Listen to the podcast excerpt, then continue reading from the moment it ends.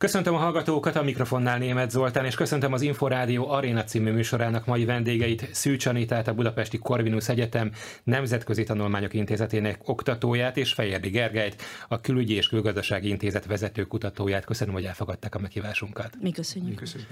Műsorunkat most felvételről hallgathatják, témánk pedig a francia elnökválasztás első fordulója.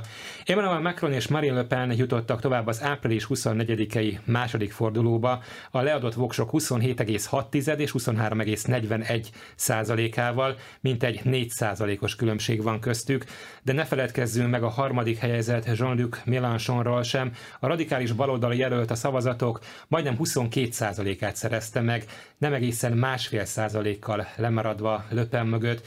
Mi történt itt a francia elnökválasztásnál, és mi az oka ezeknek az eredményeknek? Szűcs Anita. Hát a hagyományosoknak azt szoktuk mondani, hogy megváltozott a, a francia szavazói magatartás, és megváltozott a politikai tér.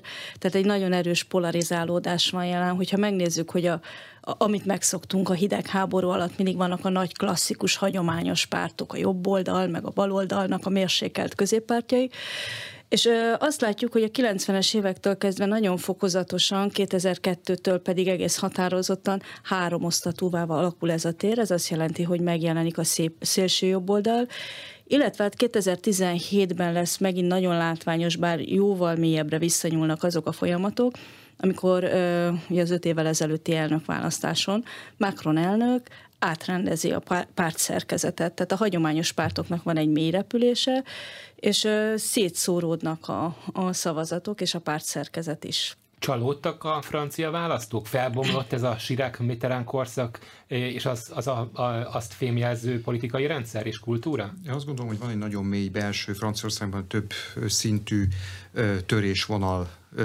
rendszer, ami valójában itt 2017-ben még tovább nyílt, és 17 óta folyamatosan tágul, és ezek a törésvonalaknak a leképezése, vagy ö, vetülete, ami jól látszik ebben a választási eredményben is, és ahogy az előbb az Anita teljesen mondta, teljesen egyetértek vele, gyakorlatilag a klasszikus régi pártok, ö, elsősorban 2017-ben a baloldalt sikerült először teljesen hát marginalizálni.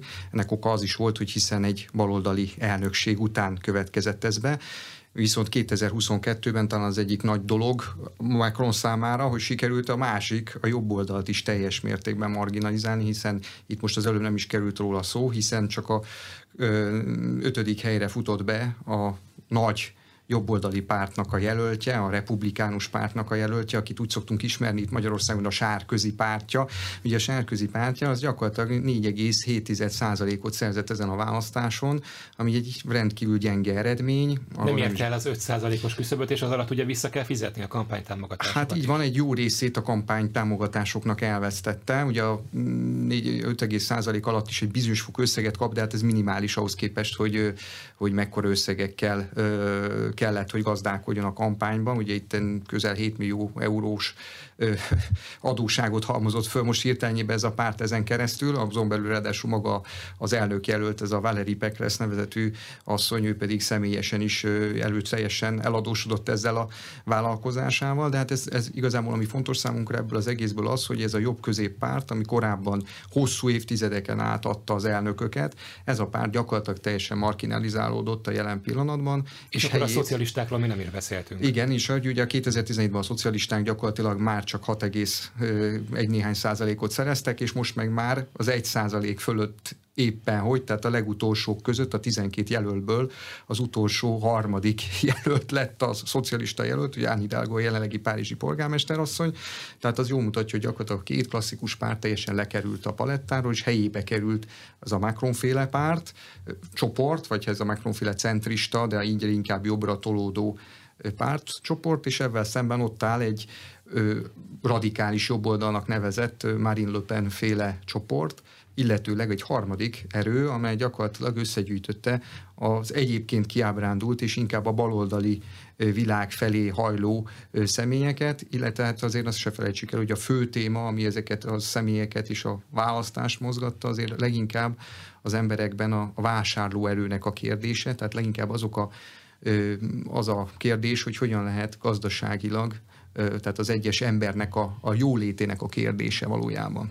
Mindjárt visszatérünk a kampány fő témáira, illetve üzeneteire, de először azt szeretném megkérdezni, folytatva ezt a gondolatmenetet, hogy mi változott meg az elmúlt időszakban a francia társadalom, vagy a korábbi hagyományos pártok leamortizálták magukat? Hát azt hiszem mind a kettőbe következett. Tehát ami a polarizációból, tehát a párt szerkezeti polarizációból adódik, az hat a választói magatartásra. Szerintem nagyon könnyű azt elképzelni, hogy hagyományosan minden embernek megvan az az értékrendje, amivel tudja, hogy körülbelül melyik pártra szavaz, nem kell ezt minden választáskor újra gondolni, nagyon mélyen, nyilván az emberek fogékonyak arra, hogy mi történik a világban, de ezzel a, a polarizációval egy teljes bizonytalanság állt be. Tehát, hogy megszűnik a nagy pártom, amire mindig szavaztam, és jönnek a helyére olyan kicsi újak, amikkel tulajdonképpen nem tudok mit kezdeni. Ez az egyik része. Tehát a, a közvéleménykutatásnak a nehézsége, hogy nincs olyan biztos közvélemény, amit tudná mérni, hiszen maga a szavazó sem tudja egész biztosan, hogy mit fog csinálni. Nem véletlen az, hogy, hogy 25%-át mérik bizonyos köz, közvéleménykutatások azoknak a szavazóknak, na, tehát 25%-a mondja azt a szavazóknak, hogy csak az utolsó pillanatban hajlandó eldönteni, hogy kire szavaz, mert több is szimpatikus, nem tudja igazán mi alapján fogja meg azt, hogy mire adja a szavazatát. Másrészt pedig megváltoztak a társadalmi problémák is. Tehát ez megint egy nagyon hosszú folyamat, óriási változások vannak Franciaországban, mind a társadalomban, mind a gazdaságban, ugye válságos időszakot éltünk át, zajlik egy gazdasági modell átalakítás, zajlik a nagy szociális ellátórendszereknek az átalakulása, tehát ami nagyon mélyen, én ezt mindig ragaszkodom hozzá, hogy itt nem csak arról van szó, hogy a, a szociális vívmányok, amiért a francia forradalom óta harcoltunk, azok most megváltoznak, hanem valami olyasmihez nyúlnak, ami nagyon mélyen a francia identitáshoz kötődik. Az identitásban mennyire játszik szerepet a társadalom átstruktúrálódása? Itt leginkább mondjuk a nagyarányú migrációra gondolok. Ez mindenképpen befolyásolja szintén, de nem gondolom, hogy ez az egyetlen is legfontosabb tényező, de mindenképpen ott van ebben a, az egész történetben, hiszen jól látjuk, hogy egy ilyen típusú témakör, mint a, a migráció, vagy a bevándorlás kérdésköre, akár egy pártot is talpra tud állítani. Ugye Erik Zémornak a programja az elsősorban e köré épült, ő volt az egyik jelölt, aki ugye negyedik helyre került 7%-kal. Ugye hosszan úgy tűnt, hogy ő egy berobbant így gyakorlatilag a politikába 2021-ben az elnökválasztásra, és úgy tűnt, hogy egy ö, olyan jelölt lesz, aki talán komolyabb kihívója is lehet majd a kés, más jelölteknek, de végül is csak a negyedik helyen végzett. De jó mutatja azt, hogy mégiscsak milliókat tudott megmozdítani az a kérdés, hogy ugye hiszen neki a, azért a kampánynak a fő mondani való ez a bevándorlással kapcsolatos kérdéseknek a újra gondolása, és azon belül is ugye inkább egyfajta radikálisabb szembeállás ezen a területen a jelenlegi politikával. Tehát ez jól mutatja azt, hogy valóban ott van ez a kérdés is, napi renden van.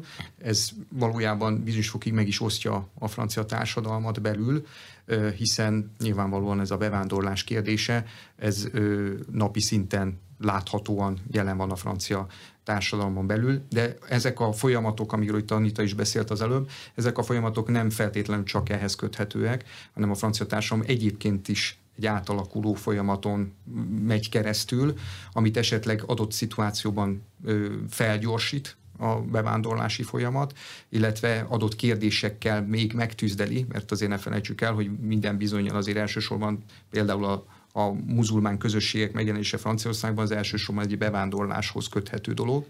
Úgyhogy természetesen vannak olyan plusz elemek is ebben a történetben, amelyek ugye ez hozzá kerülnek, de alapvetően a társadalom maga is formálódik és alakul át, és teljesen más ma egy fiatalnak a felfogása. Egyébként nagyon érdekes, hogy a maga a választási hajlandósága és a fiatalságnak sokkal alacsonyabb, mint, mint a korábbi időszakokban. Ugye 2017-hez viszonyítva az elmúlt öt évben is csökkent az, a fiataloknak a, az az arány, aki hajlandó elmenni választani. Ugye a 18-24 éves korosztály, ez csak 42 százalék, aki nem is, nem is ment el egyáltalán szavazni, holott az, a, az adatok azt mutatják, hogy 26,1 vagy néhány tized százalék volt, akik nem mentek el szavazni ezen az elnökválasztáson. Tehát az jól mutatja, hogy a fiatalokat már nem tudja megszólítani az a politikai közeg, illetve csak egyes pártok, egyes személyek tudják, és ebből szempontból érdekes, mert például Jean-Luc Mélenchon, aki a leginkább tehát ez a baloldali radikális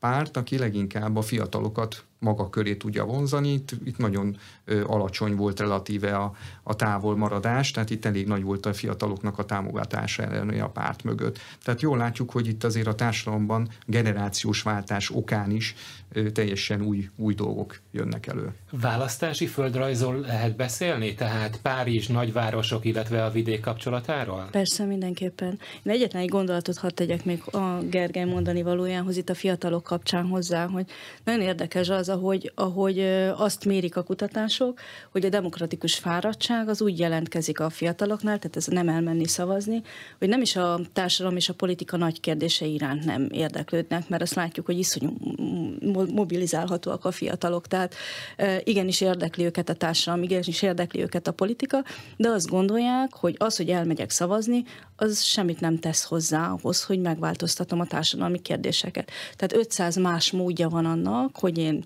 segítsem, javítsam, megváltoztassam a környezetemet. Civil módon, vagy hogyan? A civil mód és az erőszak egyszerre. Erőszak, Tehát az erőszak kezd el nőni a fiatalok körében nagyon erősen. Minden Ugyanakkor társadalmi csoportban és minden... A fiataloknál a... elsősorban. De ja, úgy ugyan... értem, hogy, hogy bevándorlók körében, vagy pedig a független ős francia. Akár az ős francia körökben is. Ugye érdekes például pont a választások kapcsán Ren városában, Brötányban gyakorlatilag a választások éjszakáján 3-400 fiatal szétvelte a belvárost, és ezek között nem bevándorlók voltak elsősorban, hanem magukat az egész dologgal, az egész kérdéskörrel, mint olyan, hogy választás ellen, tehát nem érzik ezt maguknak fontosnak. Honnan veszik a mintát? Hát azt nehéz, tud, nehéz Hát a mintát az egész francia politikai kultúrában benne igen. van egy olyan fajta... Igen, tehát a, igen, ez a forradalmi hangulat, amikor kimegyünk az utcára és megváltoztatjuk a dolgokat. Tehát a parlamentben való politizálás, az, hát gondoljunk csak 68-ra, vagy gondoljunk a... Tehát vannak generációs, független a bevándorlóktól, hogy igyekszünk mindig a bevándorlókra gondolni, de nem mindig kell. Tehát benne van ez a, a, a francia politikai kultúrában, hogy az utcán lehet igazán hatni, mert maga a politikai rendszer úgy épül fel, tehát De nagyon tudatosan úgy építi fel, hogy egy minél nagyobb stabilitást adjon a parlamenti erőknek. Tehát a, a szavazási rendszernek a lényege az az, hogy stabil parlamenti erő szülessen, majd a parlamenti választásokkal.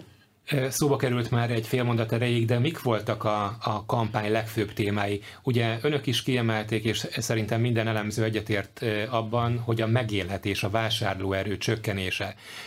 Ez, ez az anyagi vonzata, ez nagyon meghatározta az elmúlt heteket, hónapokat, vagy más is jelen volt még? Hát minden bizonyal ez nagyon komolyan meghatározta, de azért őszintek legyünk, ez a kampány, ez egy rendkívül furcsa kampány volt Franciaországban, ezt mindenki alá is szokta húzni, hiszen ez egy olyan kampányidőszak volt, amikor először is van egy Covid-válság, aminek a kezelése gyakorlatilag elviszi a figyelmet a kampányról. Különösen januárban, december-januárban volt ugye csúcson a Covid-járvány Franciaországban. A másik probléma természetesen az orosz-ukrán válság is, ami a háttérben zajlott, szintén elvíve a figyelmet a főbb kérdésekről, és ne feledkezzünk arról, hogy ugye Emmanuel Macron elnök úr ö, szerette volna az európai témákat is előtérbe hozni, Francia és európai elnökség van, van ugye, hat hónapig, január 1-től. Tehát ezek is állandóan kerintek a háttérben, ezért a kampány témákat igazából nagyon sok olyan tényező befolyásolta a háttérben, amelyek, amelyek nem feltétlenül voltak konkrétan kampánytémák. De ettől függetlenül valóban a vásárló elő, valójában a jólétnek a kérdése nagyon sok francia számára, mint központi elem jelent meg. Ez abból is adódik, hogy láthatjuk az elmúlt 15 évben nagyon nagy mértékben megnőtt a szegénység Franciaországban, objektív mértékkel mért szegénység. Ugye nyilvánvalóan számunkra, hogyha azt mondanánk, hogy mi a francia én, átlagbér vagy, vagy egyéb, az nekünk itt nagyon nagy számnak hangzana, de Franciaországban abból nem lehet ugyanúgy megélni, mint Magyarországon, és ennek függvényében, ha lát, tehát a, a, a szegénységnek a, a kérdésköre, és itt megint szeretném hangsúlyozni, ez nem kifejezetten a bevándorlókra vonatkozik, hanem itt kifejezetten a francia társadalomra, és különösen a vidéki lakosságra, akik azért ne felejtsük, hogy 2018-ban az utcára vonultak sárga mellényesként, és csak azért, mert néhány eurócenttel növekedett a benzinár. Ma, amikor infláció, a benzinár növekedés őrült mértéket ölt, ugye nincsenek ár, nincs igazából leszabályozva, mint mit Magyarországon most jelen pillanatban, tehát őrült drágába kerül a, az üzemanyag, és annak a vidéki lakosnak, akinek csak minden nap 20 kilométert kell utaznia azért, hogy a munkahelyére eljusson, annak rengeteg ö, plusz kiadása van, csak azért, mert dolgozik és él. És ugye ez a sárgames medényes felkelés, vagy hát mozgalom, ez ebből indul el. Tehát ez a, hiába sikerült ezt valamilyen szinten ö, ö, fedél alá tenni itt az elmúlt években. Ez ugyanúgy ott van, és ö, jelen van ez a kérdés, és ez most a kampányidőszakban elő-elő bukkan természetszerűleg, és ez az, ami igazából mozgatta a francia lakosságnak a jelentős részét, hogy azokat a jelölteket próbálták megtalálni, akik ebben a kérdésben olyan ígéreteket tettek, amelyben van valami lehetőség, hogy picit a, legalább az életszínvonalat, ami most élünk, azt meg tudjuk tartani és egy elvarratlan szál volt, ugye, és amire még Gergely is utalt, hogy nagyvárosok, Párizs, illetve versus vidék. Ez mennyire nyilvánvaló ellentét, egyáltalán ellentétről lehet beszélni? Hát a szavazási magatartásban Akár, igen. vagy pedig a társadalmi minőség, a társadalmi élet, vagy az értelemszerűen a szavazási magatartás ügyében is. Én azt gondolom, hogy Magyarországon is ismerjük egy kicsit ezt az urbánus népies vitát. Most ez egy, egy az egyben nyilván nem lehet áttenni e, e, Franciaországra, de azt látjuk, hogy a nagyvárosoknak a lakossága, aki magasabb életminőségen él, akinek más a fogyasztói kosara, e, az, az Macronra szavaz.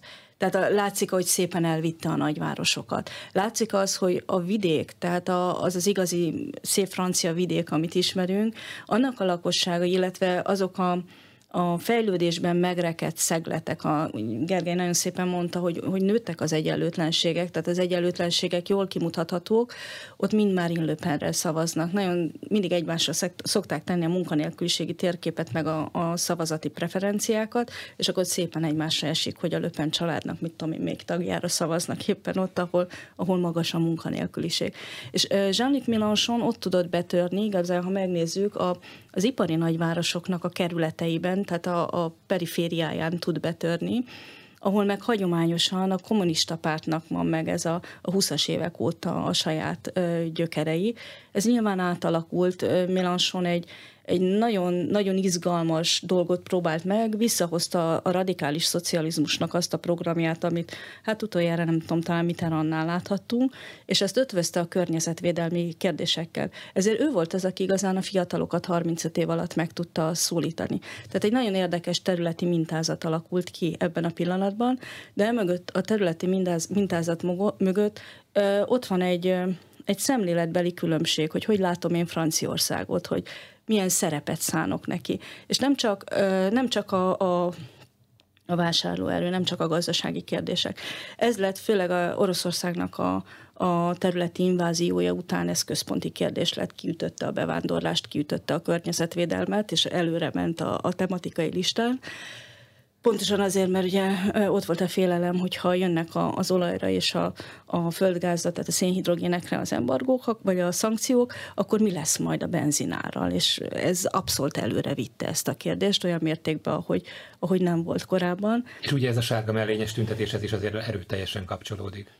A, a, a, frusztrációhoz. a frusztrációhoz. Tehát az a frusztrációhoz, és ez egy nagyon érdekes dolog, mert mielőtt eljöttem, én direkt megnéztem azt, hogy a, a vásárlóerő az 2011-től hogyan alakul, és azt látjuk, hogy egy, egy nagyon szép növekedést mutat. Tehát ez és, egy rossz érzés igazából az emberek számára egyfajta bizonytalanság érzés, de nem igaz, a számok alapján nem igaz ráadásul. Tehát van egy percepció, teljesen igaz, amit a Gergely mond, van egy olyan per- percepció arról, hogy rosszabbul élünk, ami nagyon nehéz megmagyarázni. Hát mondhatom azt, nagyon sok elemzés egyébként számomra érthetetlen módon azt mondja, hogy az embereknek rövid a, az emlékezete, de így nem lehet megmagyarázni valamit. Én azt gondolom, és inkább azokra az elemzésekre hajlok, amik kötik ahhoz, hogy, hogy a viszonyítási alap változott meg. Tehát amit Gergely említett, a francia társadalomban egyszerűen kezd szétnyílni az az olló, ami egy szolidáris társadalmat, egy szolidaritáson nevelkedett társadalmat aggaszt. De és mi a viszonyítási alap akkor most? Hát mondjuk az a fogyasztói kosár, ami ott északnyugat Franciaországban egy két-három ezer eurós kosár, és a fele körülbelül a délkelet Franciaországban. Tehát óriási különbségek vannak, hogy hogyan és miből élhetünk meg. És visszatérnék arra a gondolatra, amit elkezdtem, hogy hogyan látják Franciaországot. Nyilván azok, akik, akik észak-nyugaton vannak, ott vannak a nagyvállalatok, azok a globális nagyvállalatok, akik világ, a világszínpadon szerepelnek, azok pontosan értik azt, hogy Franciaországnak mi dolga van az Európai Unió élén, pontosan értik azt, hogy NSBT tagként miért vannak kötelezettségei a csendes óceán partján, hogy mit keresünk Afrikában, miért hasznos ez nekünk, és a saját zsebén tudja ezt mérni, hogy, hogy a világpolitikai szerepvállalás ez Franciaországnak többletet hoz. Az az ember viszont, aki a megélhetésért küzd, és bezárnak a, a kiskereskedelmi láncok, az nem pontosan érti, hogy miért kell neki több foglalkozni az Európai Unióval. Tehát leegyszerűsítve ez a fajta percepció az, ami most verseng. Ez egy érdekes kérdés, amit fölhozott, és fel is akartam tenni, és most fel is teszem, hogy mennyire látják a világ politikai vagy regionális súlyukat a francia választók, és mennyire csak a, hát ha egy kicsit ki akarom sarkítani és csúnyán fogalmazni, a saját saját költőket nézik, tehát hogy a belpolitikai témák versus külpolitika. Azt gondolom, hogy az elnök választás kapcsán azért mégiscsak a, a belpolitikai témák azok, amik természetesen viszik a prímet, hiszen az emberek a saját hétköznapi életüknek a javításával foglalkoznak leginkább, és nagyon kevés az olyan ember, aki ezt egy globális körbe tudja helyezni, és itt is természetesen nagyon erőteljesen ott van, amit itt az előbb már említettünk is, a, a nagyvárosi, multikulturális a nagyvárosok, ahol ugye óriási forgalom van, hát Párizsnak csak a turisztikai és egyéb mozgása, és ehhez képest egy kis közép-franciaországi falu, ez teljesen más tapasztalatokkal rendelkezik, tehát teljesen másként is viselkedik és figyeli a világot. Ugyanakkor a franciákban mindig is megvolt egyfajta és azt gondolom Magyarországhoz viszonyítva nagyobb érdeklődés a külpolitika, a nemzetközi politika iránt. Ez részben családi hagyományokra is épül, hiszen nagyon sok családnál ugye megvannak azok a ősi, elsősorban a gyarmatbirodalmi időszakra emlékeztető ősi gyökerek, amelyek okán ő amúgy is érdeklődik, például Észak-Afrika iránt, annak ellenére, hogy annak attól független teljesen, hogy bevándorlás vagy bármi egyébről beszélnénk, vagy egyéb tájaira a világnak. Tehát mindenféleképpen egy nagyobb nyitottságot érzékelnek a a, nemzetközi kérdések iránt Franciaországban, és azon belül is azért ugye azok a, a nemzetközi nagy kérdések, amelyek napi szinten előkerülnek, és ugye az elnökválasztás időszakában az ukrán-orosz válság természetesen előtérbe került, hiszen gyakorlatilag, mint ahol a világ minden pontján, a, a, a, a francia sajtó is nagyon erőteljesen foglalkozott ezzel a témával. Ez természetesen érdeklődési körét az embereknek nyilvánvalóan erre a, a kérdéskörre is ráirányított, és ezen belül ugye megerősödött az a dolog, hogy ugye Franciaországnak a, és ez függetlenül Macrontól, függetlenül Le ugye Franciaországnak a, a pozíciója, nemzetközi pozíciójának a fontossága az mindenki számára fontos Franciaországban. Tehát büszkék a franciák arra, hogy atomnagyhatalom Franciaország, büszkék arra, akik tudják, de általában az még a leg utolsó faluba is tudják a francia ö, lakosok, hogy ö, Franciaország mégiscsak ö, SBT tag, Franciaország mégiscsak ö, az Európai Unió remélt, vagy esetlegesen adott esetben valós ö, vezetőhatalma. Tehát ö, a franciákban van egyfajta nagy, úgy szoktuk emlegetni, ez a gloár, ez a nagy ö, elő, ö, tehát ez a, ez, a, ez a nemzetközi fontosságérzés, ez mindenképp ott van náluk, és erre szerintem például Macron elnök nagyon ügyesen reagált azokkal a gesztusokkal is, hogy a nemzetközi porondon ő mindig próbált is, és egyébként minden elnök, bármelyik elnökről is beszélünk, ezt a nemzetközi ség felé való nyitottságot, ezt mindenképpen kipróbálták használni, és ki is használták, és talán Macron elnöknek ez most az elmúlt időszakban a kampányának egyik része erről is szólt, hogy megpróbálta ezeket a húrokat is pengetni, hogy nézzétek, mi nagy nemzetközi nép vagyunk, ugye a nemzetközi életben egy fontos nép vagyunk, mi megtehetjük például, hogy Oroszországgal megpróbálunk egyezkedni, jó, hogy egyelőre nincs eredmény, de, de, de itt vagyunk, és, és tesszük a dolgunkat a nemzetközi porondon. Tehát ebből a szempontból például nagyon nagy érvágás volt, amikor például ez az úgynevezett AUKUS ügy beütött, amely ugye a, a, a, a tenger alatt járók az Ausztráliának eladott tengeralattjárók kapcsán ugye az ausztrálok az utolsó pillanatban elálltak azoktól a megrendelésektől, amelyek, amelyeket ugye Franciaországtól rendeltek, és ugye ez egy nagyon furcsa élmény volt a francia ország számára, hogy Ausztrália végül is visszamondja azokat a katonai járműveket, amelyeket tőlük rendeltek, és ezen keresztül az egyfajta helyreutasítás is érkezett Franciaország számára, hogy azért a nemzetközi világban mégsem olyan nagy hatalom, mint amire gondolna a francia társadalom. Maradjunk akkor a két jelöltnél, pontosabban a két azon politikusnál, akik továbbítottak az április 24-i második fordulóba. Mi a hátországuk? Kezdjük először Macronnál, mert ugye az első részben is szó volt arról, hogy kvázi új politikai üstökösként tűnt felő öt évvel vagy hat évvel ezelőtt. Fejérdi Gergely. Macron elnöknek a hátterje ugye nagyon érdekes és izgalmas, hiszen ő valójában már miniszterként a szocialista elnökségi idején François Hollandnak ott, ott volt, és ő tudjuk jól, hogy azért elsősorban a szocialista párthoz kötődött a kezdet kezdetén de valójában ugye 2016-tól egy teljesen új pártot indított, és a célja az volt, hogy pontosan érzékelve azt, hogy a klasszikus pártok, illetve nagyfokú a kiábrándulás, a politikai vezetők, a politikai nomenklatúra iránt, ez függetlenül a pártoktól. Azt gondolta, hogy ha a civil szférából tud magához szívni és szívni olyan személyeket, akik meg tudják mondani, hogy pontosan mik a problémák, amikre választ kell keresni, akkor ö, a megfelelő úton jár, és meg is fogják választani. Ez valamilyen módon sikerült is neki, hiszen 2017-ben meg is választották elnökké, és nagyon sok személyt tudott bevonni a civil szférából, olyan személyeket, akik egyáltalán soha nem mozogtak korábban a politikai palettán, ami az elején egyébként különösen nehéz is, is tette az ő mozgásterét, hiszen profi politikusokkal szembe találták magukat, sokszor civil szférából, orvosként, mérnökként, vagy egyéb szakterületekről érkező személyek, de az öt év alatt ez a csoport, ez gyakorlatilag megerősödött, és ma már ők is azt a rutint ismerik, ami ugye a politikához szükséges. Párt vagy mozgalom van még mögötte?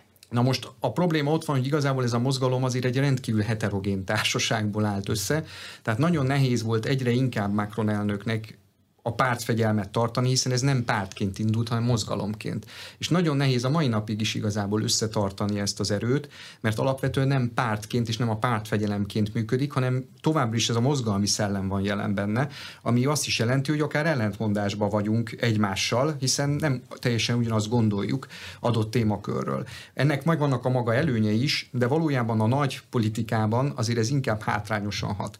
Ugye Macron ezen, túl, ezen kívül igazából ugye elsősorban érzékelte azt is, hogy a francia társadalom egyre inkább egyfajta jobbratolódás érzékelhető a francia társadalomban, ezért ő maga is megpróbálta a centrumból egyre inkább a jobb irányába való törést, tehát megpróbált olyan elemeket is elővenni, amely a jobboldali szavazók számára sokkal szimpatikusabb. Talán ez is az ok, amiről az előbb itt szót ejtettünk, hogy a sárközi féle párt gyakorlatilag teljes mértékben szintén összeomlott. Tehát az ő szavazótáborát, az ő egyébként embereit gyűjtötte össze, hiszen ne feledkezzünk meg, hogy 2017-től a korábbi republikánus párt, tehát a sárközi pártjából jövő miniszterek vezették a kormányt, és vezetik a mai napig is, mert Jean Castex a jelenlegi miniszterelnök is egyébként a republikánus pártból jött, de a korábbi miniszterelnök, ugye Philip, Edward Philip is, ugye ebből a a, a, az alomból jött, ha szabad így fogalmaznom. Ugye maga a republikánus párt is ugye különböző csoportokat ötvözött magába, és ennek a, inkább a centrista ö, irányzatából ö, szedte össze a, az embereit, és mai napig is a legfontosabb emberei valójában ezek, ebből a pártból ö, vannak jelen. Tehát azt Ennek mondom, a mozgalomnak a stabilitása az mennyire adhat neki erőt, vagy éppen veheti el ezt tőle? Ez bizonyos fokú erőt mindenképpen adhat neki, hiszen ezzel közel van a társadalomhoz, vagy közel is lehet a társadalomhoz. Ugyanakkor azt gondolom, hogy jelen pillanatban pont a legnagyobb problémája az, hogy a korábbi centrista politikusból egyre inkább jobboldali politikussá lett, és kezdi elveszteni azt a másik erőt, amit őt fölhajtotta igazából a baloldali centrista szavazóknak az erejét. Hiába van jelen az ő kormányában, mondjuk például a külügyminiszter, a Le Drian, aki egy régi szocialista politikus a baloldalnak igazából egy, egy ö, képviselője gyakorlatilag a Macroni mozgalomban. Valójában egyre inkább, és most ezt látjuk itt a két forduló között, ugye április 10-én az első, 24-én lesz a második forduló, hogy Macron elnök kétségbe esetten bizonyos fokig próbálja a baloldali szárnyát is megerősíteni, mert a jobb oldal az most nagyon megerősödött, de a baloldali szárnyát is ennek a centrista mozgalomnak. Tehát igazából vannak előnyei is és hátrányai ennek a mozgalmi tényezőnek, de azt gondolom, hogy jelen pillanatban Macronnak sokkal inkább szüksége van igazából a klasszikus pártformára, ahhoz, hogy ő győzedelmeskedni tudjon, hiszen egyszer jól működik egy ilyen recept, de nem biztos, hogy másodszor is ez a recept elegendő. De most ezzel szemben Marine Le Pen pártja és hátországa hogy épül fel? Hát egészen, ugye ez egy családi háttér, és egy családi történetet kell elkezdenem mesélni. Ugye a, a papa, Jean-Marie Le Pen, az ő nevét inkább ismerik, Magyarországon 56-ba kerül be a parlamentbe, a szélsőséges nézetekkel, és ha belegondolunk, hogy ez milyen közel van a második világháborúhoz, akkor megérthetjük, hogy ez ott eltűntek a jobboldali szélsőség. Tehát egy jobboldali totalitárius diktatúra után jobboldali szélsőséges gondolatokat hangsúlyozni, az nagyon, hát pestésen szólva necces volt. És ebből a helyzetből ő elkezd kiépíteni egyébként kicsi mozgalmi jelleggel szintén egy pártot, ami visszanyúlik, hát nem tudom, mondhatok -e ilyeneket, a, a régi Action Française-ig. Az Action Française az egy olyan mozgalom volt, szélső jobb oldalnak az előfutára Franciaországban, a századfordulón, a 19. század végén, 20. század elején, ami a rendszerellenességre tette a hangsúlyt. Tehát egyfajta nosztalgiát érzett a, a monarchia iránt, mindent, ami parlamentáris rendszer, mindent, ami köztársaság, köztársaság értékek elutasított, és szerintem az, hogy megértsük a, a mostani Marine Le Pen vezette mozgalmat, ezt a magot kell megértenünk, hogy van benne egy nagyon erős rendszerellenesség. Tehát ez a fajta rendszerellenesség jön végig vele, és ehhez rakódnak az olyan klasszikus szélső jobboldali elemek, amit Magyarországon mi mondjuk az gyűlölettel azonosítunk, tehát ezért tud az, az Európai Unió ellenességgel azonosítunk, tehát a, a, a mi általunk használt fogalmak nem teljesen olyanok, mint amit Marine Le Pen visz. És hát ez a mozgás... Nevezhető még szélső jobboldali pártnak, vagy egyre inkább, ahogy mostanában nevezik, szuverenista párt? Hát én azt gondolom, hogy játék a szavakkal, tehát azt kell látnunk, hogy mi a tartalom, amiben ő csomagolja.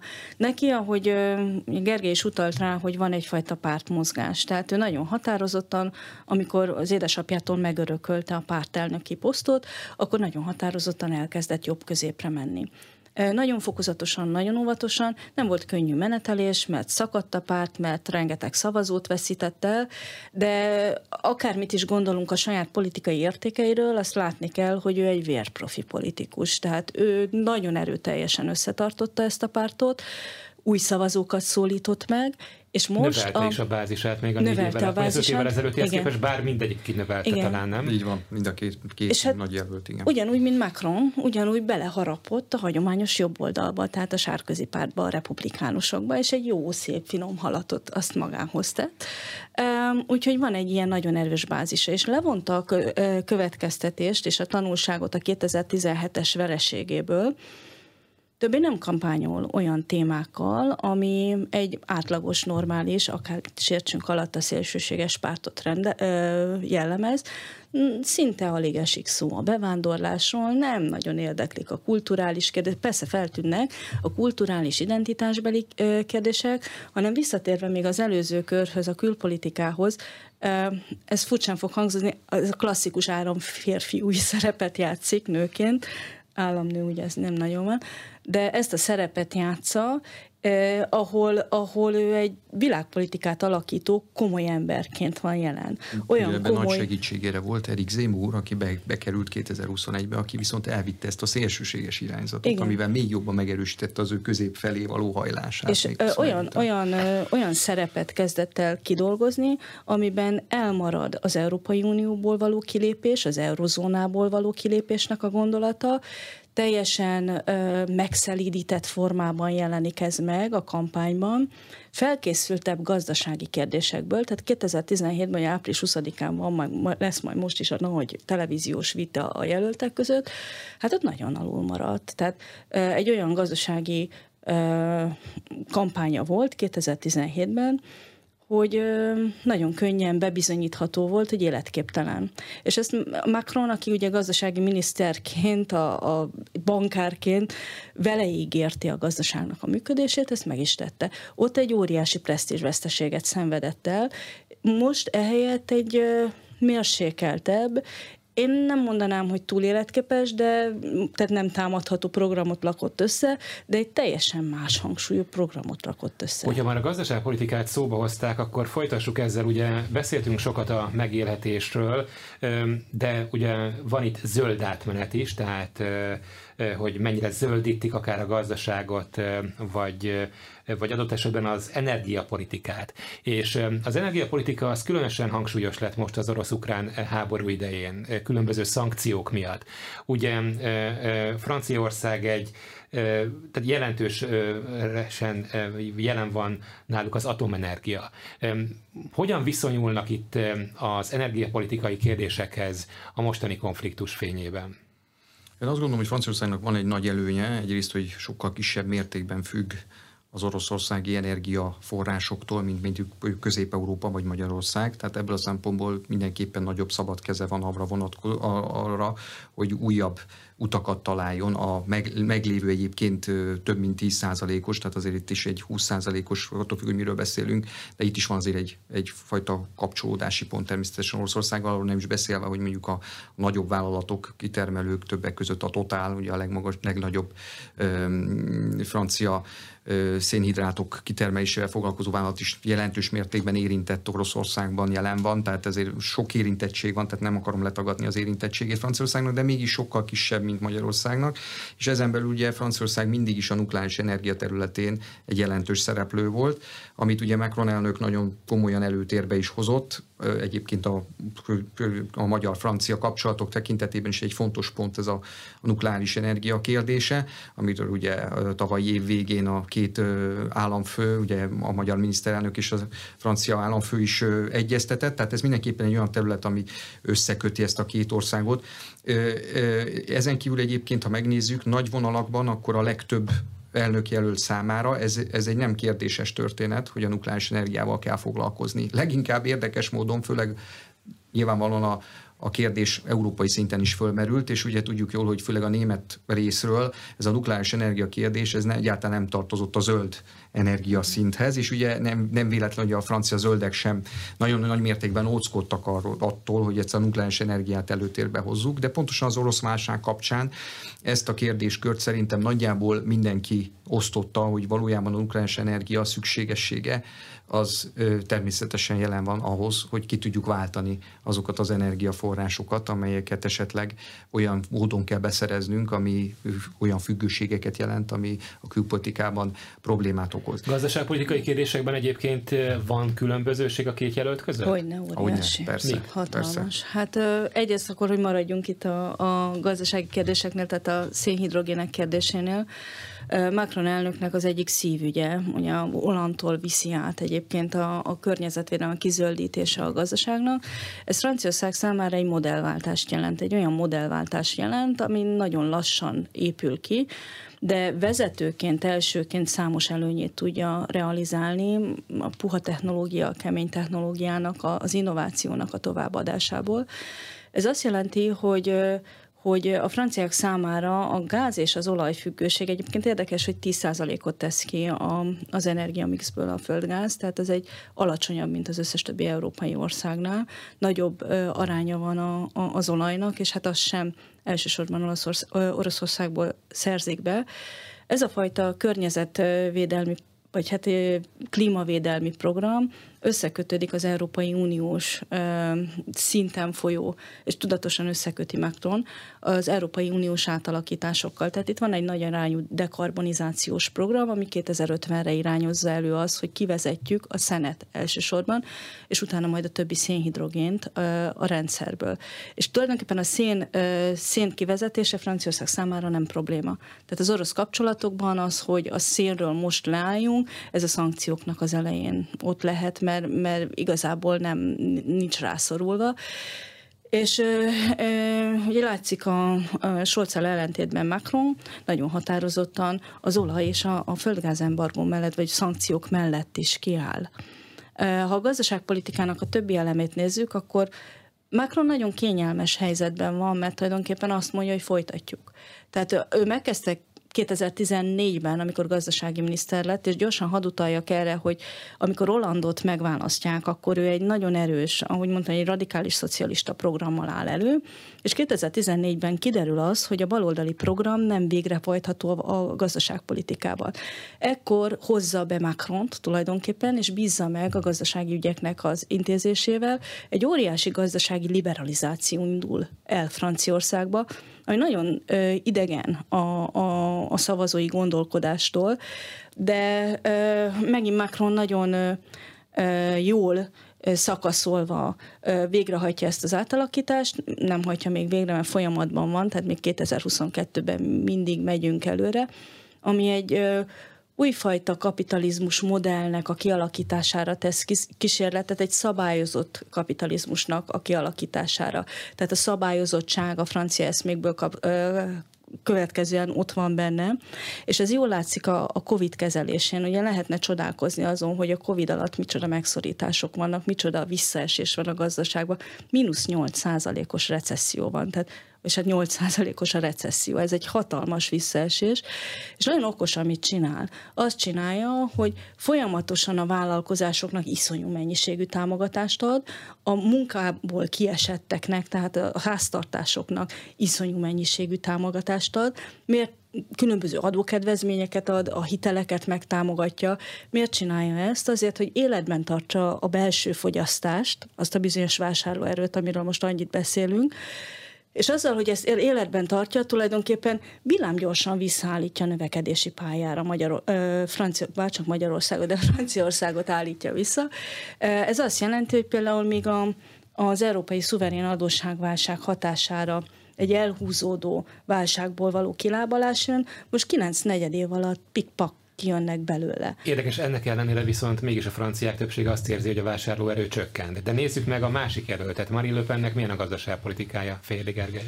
Hát Marine Le Pennél az, az érdekesség az, hogy nagyon sok területen, ugye újra gondolva a, a politikai ö, kérdéseket, ő elsősorban arra ö, teszi a hangsúlyt, hogy a társadalomban pontosan látványossá váljék azok a gazdasági lépések, amelyek ö, többek között a, a lakosság számára fontosak. Ezek között tartozik, ami egyébként nem föltétlen kizár, kifejezetten gazdasági jellegű, de mégis a gazdaságra vonatkozik. Többek között például a nyugdíjrendszer, mert ugye a, a, a nagy ellátórendszer a nagy francia ellátórendszernek az átalakítása is ehhez a makroni politikához tartozik. Ugye nem ő az első, ezt évtizedek óta próbálják a franciák átalakítani, mindig botrányba fullad ez a történet. Ez most sem volt sikeres egyébként, ugye 2019-20-ban próbálkozott Macron elnök ebben, de ugye a Covid-válság ezt elsöpörte, de valójában például ezeken a területeken például nem, nem hajlandó az nyugdíj korhatár növelésére, annak ellenére, hogy az életkor növelkedés az jelentős Franciaországban az életszínvonal növekedésével együtt tesen ugye jelen van. Ha jelenlegi számítások szerint egyébként a Marine Le Pennek a programja az, amit itt előbb már említett is Anita, a Marine Le Pennek a programja az, ami gyakorlatilag a legnagyobb, a legrizikósabb program, tehát a legtöbb pénzt igényelni, és a legkevésbé valószínű, hogy egy olyan szenárió felállítható, amelyel ezt vissza is lehet termelni. Óriási kiadásokkal számol, főleg szociális jellegű kiadásokkal számol a Marine Le Pen politika, és sokkal kevésbé vinné tovább ezt a nagy strukturális átalakítást, amelyet ugye Macron elnök elindított. Természetesen jelen van ugyanúgy a zöld politika ugyanakkor figyelembe veszi azt, hogy a vidéki lakosság nagyon élesen szemben áll például a, a szélkerekek felállításával, aminek ugye több oka is van, mert valójában tényleg nem feltétlenül annyira hatékony az a szélkerék, mint amennyire gondolunk, de minden esetre például azt ő kiemelni az egész történetből, ez például egy ellentétet okoz a többi jelöltel, viszont nagyon szimpatikussá teszi a vidéki lakosság környezet, körében, akik nem feltétlenül az energiahatékonyság okán tolják vissza a szélkerekeket, hanem azért, mert egyszerűen a, azt a szép, dombo, szép dombot például elrondítja. Tehát érti, tehát itt igazából nem arról van szó, hogy itt konkrét gazdasági kérdésekről gondolkodna a, a, a választó, hanem sokkal inkább arról gondolkodik, hogy és gyakorlatilag a Marine Le Pen gazdaságpolitika egy sokkal inkább kiszolgáló politika, és sokkal kevésbé illeszkedik az Európai Uniónak a, a jelenlegi programjához, tehát ő igazából ebből ki is akarna szállni valamilyen módon, és sokkal inkább úgynevezett, és ezért már szóba került többször is, nem szuverén Európáról, mint ahogy Macron beszél, aminek ugye elsősorban egy független Európa de egy közös gondolkodás, hanem sokkal inkább egy szuverén Franciaországról beszélt, egy protekcionista, bezáró politikára próbál sokkal inkább koncentrálni a, a, Marion, a Marine Le Pen féle ö, gazdaságpolitika. Bontsuk akkor ezt ki, mert ez is nagyon fontos, hogy milyen a két jelölt Európa politikája, uniós politikája, vesző a NATO való, NATO-hoz való viszonyuk. Hát ha nagyon röviden akarom felütni az egész ö, politikát, akkor látjuk, hogy Macron elnök folytatja azt a politikát, aminek a lényege az, hogy ugye ezt azzal szoktuk érzékeltetni, hogy Franciaország, amióta létezik európai integráció, a saját nemzeti érdekeit multiplikálja az integráción keresztül, azaz megnöveli a saját fontosságát, a saját jelenlétét és a saját gazdasági politikai súlyát. Tehát ennek a politikának a folytatását látjuk, ami nagyon jövedelmező a franciák számára, hogy a németek után a második legnagyobb nettó bevételezői, nem a költségvetésnek. Egy zárójelben egyébként felülkerekedtek már ezen a szinten a németek? diingatkan Nem, a németek még mindig több, ö, több pénzt vesznek ki a kereskedelmi és a... a német politika, mint a francia? Ez egy nagyon jó kérdés, én azt gondolom, hogy itt a gazdasági súly az, ami dönt. Tehát ugye a Clinton mondta ezt a választásra, hát ugye a, a gazdaság az, ami dönt a választási eredményeknél. Ez igaz az Európai Unió súlyozására is, hogy Németországot egy Franciaország nem tudja egyelőre, hiába aktívabb a Macron, hiába látszik az a Scholzon, hogy egy más típusú ember de ezt a fajta a Európa politikát, amiben tulajdonképpen a, a francia célokat, a francia gazdasági növekedést, a francia e, külkereskedelmet európai szinten erősíti meg és támogatja meg, ezt folytatná. Marine Le Pen ezzel szemben ki akar lépni a NATO-nak, a, a, nem a NATO-ból, ugye erre nagyon kell vigyázni, hanem az integrált katonai struktúrájából, és ami egy állati veszélyes dolog atomhatalomként, úgyhogy ez egy nagyon rossz felütés. De Marine Le Pen még három olyan dolgot tervez az Európai Unióval kapcsolatban, amilyen nem kimondva, tehát nem azt mondja, hogy kivonulunk belőle, de az a három dolgot véghez viszi, már ha tudja, mert nem, nincs előttem, hogy ez hogy lehetne a gyakorlatban kivitelezni, az szétveri az Európai Uniót. Az egyik az a, a, nemzet, nem, a nemzeti jognak az elsősége, az Európai Uniós jog felett, ugye, hogyha ezt Nyilván ezt egy oldalon nem nagyon lehet megcsinálni, de ez komoly alkotmánymódosítás kell Franciaországban, kell a parlamentnek a támogatása, tehát ez rengeteg minden kellene. De ha egy oldalúan valami miatt ez a támogatás megvan, és azt mondja, hogy nem hajtom végre az Európai Uniós intézkedéseket, akkor az ugye a jogbiztonságot vonja, borítja föl az egész európai térségbe. A második nagyon fontos dolog az a a importkorlátozások. Tehát az importkorlátozásokat vezetné be egy olyan országba, aminek a külkereskedelmének a nagy részét az intraregionális kereskedelem adja, és a világgal való kereskedelem. Ugye, ha én vámot vetek ki, akkor az én áromra is vámot fognak vetni. Megnézem a francia választót, amikor majd elindul kamionnal szállítani valamit, teszem azt Magyarországra, és jól megvámolják, akkor mit fog hozzászólni. Tehát ez megint egy olyan ígéret, ami lehet, hogy nagyon tetszetős, de, de nem biztos, hogy jó hatása van Franciaországra nézve. A harmadik pedig a határőrségnek a megerősítése. Ugye jelen pillanatban nincs belső határőrség, Schengeni rendészet van, van Schengeni övezet van. Ez az egyik legnagyobb aki, hogy jöhetünk, mehetünk, viszonylag szabadon. Az, hogy ő felállítana egy határőrséget, rosszul mondom, van határőrség, mert a, harmadik országokkal szemben van határőrség.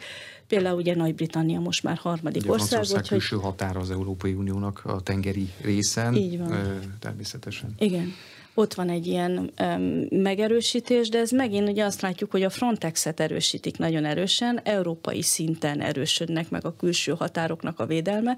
Ha a belső határokra határőrséget teszek, akkor ez megint ezt a mozgást fogja leállítani, akár megint visszatérhetünk a vámokhoz, mert hogy fogom akkor ellenőrizni az árunak a mozgását, a, a munkaerőnek a szabad áramlását, tehát egy olyan visszalépés lesz, ami elsősorban Franciaország számára lesz rossz, hiszen ő az, aki ennek a haszonélvezője. De az ezekkel a határlezárásokkal, hogy elsősorban ugye a határőrség az a főútvonalakat fogja ellenőrizni, és gyakorlatilag ami miatt az egész történet érdekes már Löpen számára, hiszen a választóknak, ami miatt ez érdekes, az az elsősorban, hogy innentől kezdve kontrollálni lehessen. Például a bevándorlást, de a bevándorlók nem a főútvonalakon közlekednek, hanem természetszerűen a zöld határon, azt meg viszont nem fogja tudni egy ilyen szinten ellenőrizni, hogy, hogy ott tényleg vissza lehessen szorítani ezt az áramlást. Tehát Milyen igazából Macron Európa politikája szuverenista irányban mennyire tud ő elmozdulni, vagy inkább ő a federalista vonalat képviseli? Én azt gondolom, hogy amit itt az Anita nagyon szépen kifejtett, ez teljesen így van, hogy a, a Emmanuel Macronnál a legfontosabb az, hogy ő azt a klasszikus francia politikát viszi tovább az Európai Unió felé, ahol az Európai Unió gyakorlatilag a francia érdekérvényesítésnek egy olyan fajta eszköze, amely minden, minden esetben csak multiplikálni tudja a francia jelenlétet bizonyos fokig, és az érdekeknek az érvényesülését. Még akkor is, hogyha itt ugye szó esett róla, hogy Németországnak a súlya nagy, Franciaország rendkívül módon tudja még így is nagyon sok esetben érvénye juttatni a saját akaratát, akár csak a német-francia egyeztetéseken is. Tehát azt gondolom, hogy Macronnak ez a politikája, ez egyértelműen egy klasszikus régi francia elven múlik, ami pontosan egyre inkább úgy véli, hogy még Franciaország is kicsi ahhoz, hogy ebben a nagy világban megfelelő módon tudjon helytállni, ezért szükség van egy nagyfokú közös összefogásra, szolidaritásra, ami nem jelenti azt, hogy minden területet ki kell nyitni. Ugye a franciák nem akarnak teljes mértékben, Macron elnök sem akarja Franciaország szuverenitását kétségbe vonni. Ez soha nem is tette, de viszont vannak olyan területek, amelyeket a közösen kell megoldani, és ezeket a területeket lehet, hogy egyre több ilyen terület van, amit közösen kell megoldani, és jó egyensúlyba kell helyezni, és Macron elnöknek ez így egy politikai nagy kérdés, de ez nem csak neki, hanem tulajdonképpen minden tagállamnak, hogy megtalálja azt a jó egyensúlyt, hogy mik azok, amik belpolitikai, vagy mi az, ami egy nemzetállami szinten fontos, hogy megmaradjon a nemzeti állami kézbe, de nagyon sok olyan terület van, ami közösen sokkal hatékonyabban megoldható, és sokkal nagyobb védelmet is nyújt egyébként az állampolgárok számára. Jó példa erre egy kiegészítés, rövid kiegészítés a kereskedelem politika. Tehát igen. a kereskedelem politikában látjuk azt, hogy a német modellel, a német, német gondolkodással ellentétben 2017 után a francia modell kezdi el dominálni az európai kereskedelem politikát. Ennek a lényege pedig az, hogy a külső határokon megvédem, tehát például a, a nagy tech cégeket megadóztatom, védelmet biztosítok a kínaiak ellen, a saját európai vállalkozóimnak, és Európán belül pedig van egyfajta szabadkereskedelmi övezet, de kívül ott egy nagyon erős protekcionizmus van. Egy mondattal csak a végére, kinek van nagyobb tartaléka a második fordulóra, Fejérdi Gergely? Azt gondolom, hogy tartaléka, és mindenképpen Mári Löpennek nagyobb a tartaléka én szerintem, de valójában Franciaországban továbbra is van egyfajta Löpen családdal szemben egyfajta e, e, szem, rossz érzés. Másik az, hogy szerintem egy hajszállal Macron elnöknek még mindig több a szavazója, nem feltétlen tartaléka, mert nem feltétlenül Macron elnököt támogatják, de Marine Le Pen ellen mindenképpen hajlandóak lesznek én úgy gondolom egy hajszállal többen szavazni. Szűcsanita? Első kérdés, amiben nem értünk egyet, hogy látszik. Én azt szeretném hinni, hogy Macron elnöknek nagyobb a tartaléka ebben a pillanatban, még ha csak egy hajszálnyit is, de nagyon komolyan kell venni, hogy bármi megtörténhet, soha ilyen még nem volt, nagyon bizonytalan. Köszönöm a beszélgetést. Az elmúlt órában Szűcs Anita, a Budapesti Corvinus Egyetem Nemzetközi Tanulmányok Intézetének oktatója és Fejérdi Gergely, a Külügyi és Külgazdasági Intézet vezető kutatója voltak az Inforádió Arena című műsorának vendégei. Köszönöm szépen a beszélgetést. A műsor meghallgatható az infostart.hu hírportálon és YouTube csatornáján, elkészítésében pedig közreműködött Módos Márton főszerkesztő, valamint Szécsi Ágnes. Német Zoltánt hallották viszont hallásra.